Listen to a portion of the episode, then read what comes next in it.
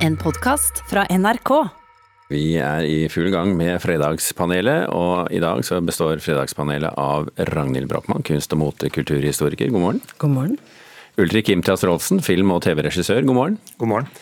Silje Mariann Engia Sigurdsen, grunnlegger av nettsiden kunst.no. God morgen. God morgen. Skal vi bare gå på første spørsmål? Ja, vi gjør det. Lukten av nytraktet kaffe, lukten av en svett armhule, lukten av penger og også lukten av fremmedfrykt. Her kommer et spørsmål. Er lukt kunst? Ja, sier kunstner Sissel Tolås, som nå stiller ut eh, lukt i en eh, ny utstilling i Oslo. Hun mener at vi helt har glemt hvor viktig lukt er. Så Fredagspanelets spørsmål i dag blir som følger. Er lukt kunst bare fordi noen sier det er kunst? Ja eller Nei. Nei. Ja. Ja. Da skal du få lov til å begynne med nei. Spørsmålet ditt er er lukt kunst bare fordi noen sier det er kunst. Ja, er Og der må jo man inn med noen kriterier. Jeg tenker Lukt kan være kunst, men kun hvis det på en måte utfyller litt av det som kanskje er kjernen av kunsten sin misjon. Og grunnen til at den eksisterer, det er jo å oppløfte, utdanne og ta oss ut av vår egen bevissthet. Og løfte oss til på en måte nytt nivå om verden vi lever i oss sjøl. Og hvis denne utstillingen da gjør det, så er det kunst. Men at noe er kunst bare fordi noen sier 'dette er kunst', ja Spørsmålet er vel ikke om det er kunst eller ikke, men om det er god kunst. Ja. Ja, Det, det, Det var ikke mitt spørsmål. Nei, nå sporer vi allerede langt av, tenker jeg da. Men kunst, kunstbegrepet er jo blitt så um, si, utvannet, da. Og alle kan mene at uh, alt mulig rart er kunst. Så må man heller spørre, tenker jeg, er det god kunst? Er det, gir det meg noe? Og gir det meg noe, så er det jo kunst, da. Nei, jeg tenker Nå skal vi tilbake til det gode spørsmålet ditt, eh, Birger, som selvfølgelig som alltid var eh, med vilje finurlig. Eh, Om Silje snakker om god og dårlig kunst, så tenker jeg at eh, i det moderne kunstsynet som virkelig ja, tar en ordentlig modernistisk, konseptuell vending med Duchamp rundt eh, 1917, så tenker jeg at ja, da handler jo kunst om å peke på noe som utfordrer institusjonen, er noe radikalt annet, er et brudd, er noe frekt, er noe nytt, er noe spennende. Og så spoler vi mange år fremover. Vi holder på å bygge ned de tradisjonelle kunstbegrepene inn i det nye. Og så, i dag f.eks., så kan jo hvem som helst da sende inn noe, f.eks. en pose med bæsj, til høstutstillingen. Og det kan jo da selvfølgelig bli regnet som kunst. Selvfølgelig gitt at institusjonen sier at det er det. Så sånn som kunstbegrepet er nå, da er det masse som er godt og masse som er elendig, men i prinsipp så er det at noen peker på det, sier at det er det, og det kan bli det. Jeg har en venninne som gikk på Kunsthøgskolen i Oslo, og hun fikk i oppgave under utdanningen en gang å prøve å lage noe som ikke var kunst. Ja. Og det var jo ikke lett. For hva skulle det være når settingen er kunst? Nei, det er kjempevanskelig. Og bare at hun syns det var vanskelig, sier alt om hvor vanskelig det er med kunst i dag, tenker jeg. Og det er jo et kunststykke i seg sjøl, Eller er det det? å gjøre det. Og utfordre henne til å ikke lage kunst. Ja, jeg Så det er meta, at- meta-meta her. Jeg føler at jeg må bytte tema. Vi går til spørsmål nummer to. Søndag er det jo halloween. Mange elsker halloween, både gamle og unge. Og så er det mange som gnåler over amerikansk kulturimperialisme og handelsstandens kynisme. Et av de gode argumentene for å ta inn feiringen til Norge eh, er at det kan jo hjelpe oss å forholde oss til døden. Så her er eh, dagens andre spørsmål. Gjør kostymer og godteri det faktisk vanskeligere for oss å forholde oss til døden slik den som regel er? Nei. Nei. Nei. Oi! Kom igjen. Ul Ulrik, du kan begynne.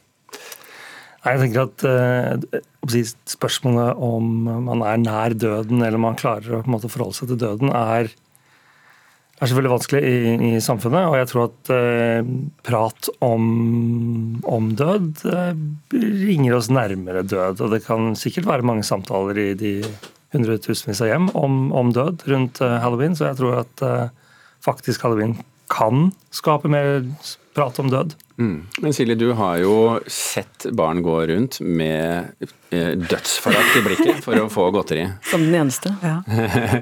Det, er det døden liksom, det, Hvis- du ser da? Hvis vi har lyst til å formidle død, så må vi faktisk begynne med godteri og kostymer. Vi må begynne med barna. Her er en kort eh, historie. Jeg skal gjøre den så kort som mulig, i hvert fall. Kaffeleverandør ønsket å gå inn i det kinesiske markedet.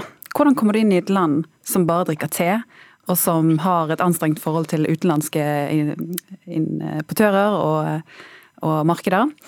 Jo, du lager en barne-TV-serie. Og der etter hvert plasserer du en kaffebønne. Barna blir nysgjerrig. Til slutt får du godteri i butikken som smaker kaffe. Så går det 15-20-30 år. Plutselig kan du lansere en kaffebar. Ting har endret seg. De har vokst opp med smaken, de har vokst opp med tanken om ideen om å drikke kaffe. Og plutselig er du inne i markedet. Vi må begynne rett og slett med godteri for å få de til å bli nysgjerrig på døden. Snikete. Snikete. Nei, altså, jeg tenker at det er så enkelt som at uh, sambandsdataene kan man eh, skylde på mye grusomt her i verden, men akkurat når det gjelder knask eller knep, så tenker jeg at vi kan skylde vår egen forstokkede kultur. At vi har blitt så redde for å leve at vi ikke tør å tenke på døden, tenker jeg. Jeg skulle jo godt likt å sette en Tequila-fest på Vår Frelse gravlund med litt mexican style, gjerne litt taco, gjerne på en fredag. God musikk. Eh, barna er med, selvfølgelig god musikk. Rett og slett hylle, hylle døden som en viktig del av livet. Men jeg tenker Noe som er litt interessant, er jo hvor mange i Amerika er det som egentlig tenker på døden når de holder på med halloween. Jeg mener, De har jo lånt heftig fra Memento Mori-tradisjonen. Det kommer jo egentlig selvfølgelig fra Irland og Skottland og deres eh, Sowin, skotske og keltiske tradisjoner. Mm. Så jeg tenker på hvem tenker egentlig på døden her? Det virker jo som, i hvert fall ifølge Disney-filmen Coco, at noen som er vant til å ha altertavler med sine døde presente på denne kvelden, tenker på de døde. Men vi vi tenker jo bare på å være med eh, som statist i en amerikansk film, tenker jeg. Det er en helt annen følelse. Den er også god, men det er en annen følelse. Er det sånn du har det, Ulrik Imtias Rolfsen?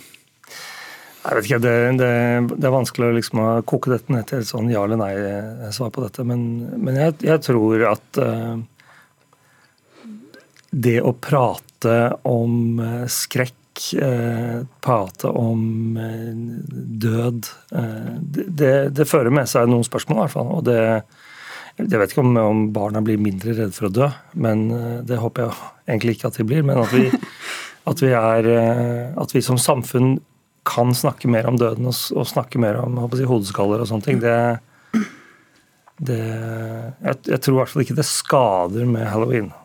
Men jeg tror heller at det bringer noe annet. Altså først, eh, Jeg var jo som alle andre rundt sånn 1998 en av de første på Brøttum der jeg kommer fra, som prøvde å lage noe som het halloween, som vi hadde sett på film. Eh, og jeg tenker at Det vi ønsket oss da, det var jo selvfølgelig noe som var fylt av andakt og høytid, som samtiden selvfølgelig har ganske lite av.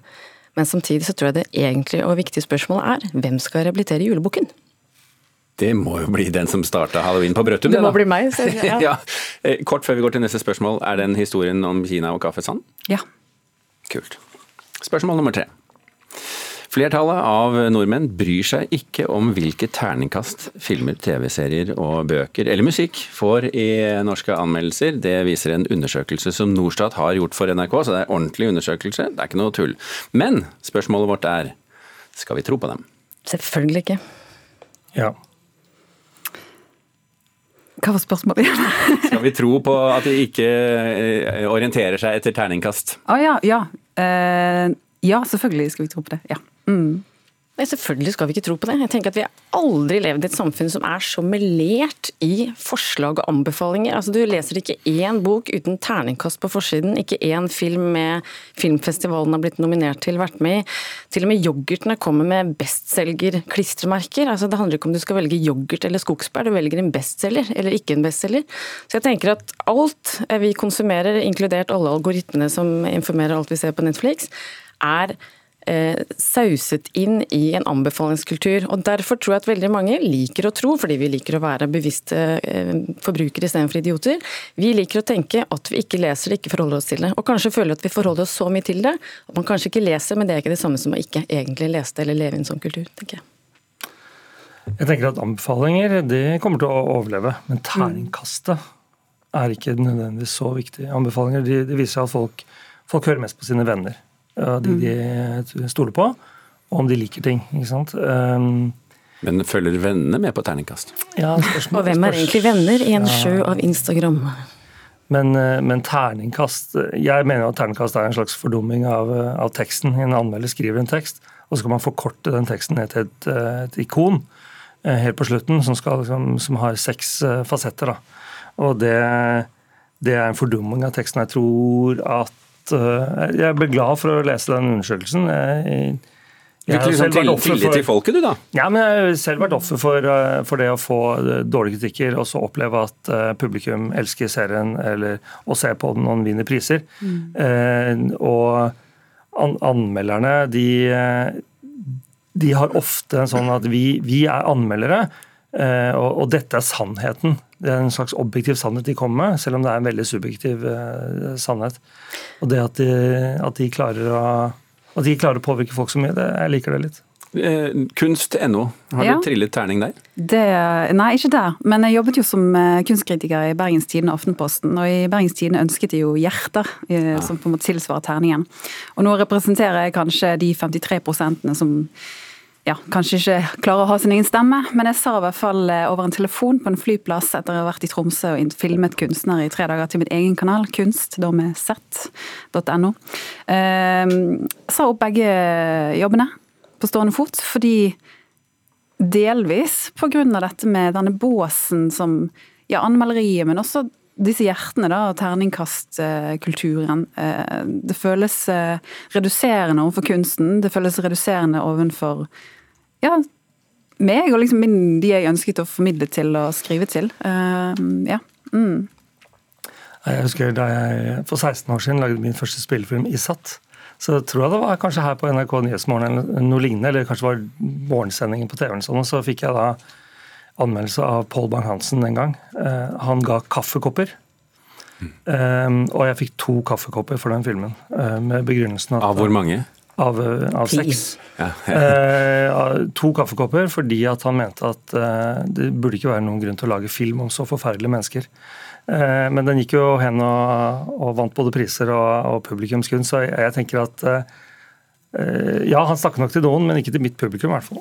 Nei, nå syns jeg vi ror oss ut på dype grunner. Altså, jeg tenker at ja, vi skal ha masse kritikk. Altså, problemet i samfunnet er ikke ternekast ikke, det er at vi ikke har et, et samfunn og et ordskifte hvor det er eh, godt og lett og morsomt å ta imot og gi kritikk, tenker jeg. En god kritikk er jo hele fundamentet for å drive en felt og fag forover. Og så er det jo snakk om mediene heller, tenker jeg, som bygger ned kritikerseksjonene og hva folk egentlig leser og vil lese og ikke vil lese. Det tror jeg man må lage noe mer intrikate undersøkelser for å finne ut av. Jeg jeg bare ser meg veldig uenig i at eh, kritikken er ikke det meningsbærende er. Kritikken er eh, Nei, det er ikke, det er, men det er det også. Du skal ha det også. Ja, eh, men kunsten er det viktige her. Også, Kunstneren er den Ja, men Du skal jo ha samtalen om kunsten, og da må du jo ha alle sider av bordet for å ha en god samtale om det. da. Ja, jeg vil slå et slag for kunstnerne og de som lager kunsten, og de som peker på det og sier at det er dårlig. Det er litt mindre viktig, syns jeg, da. Ja, men Selvfølgelig er det det for deg. tenker Ja. Fredagspanelet er over, og vi eh, takker og bukker for innsatsen Ragnhild Brochmann, Ulrik Imtias Rolfsen og Silje Sigurdsen. Takk for at dere kom. Takk.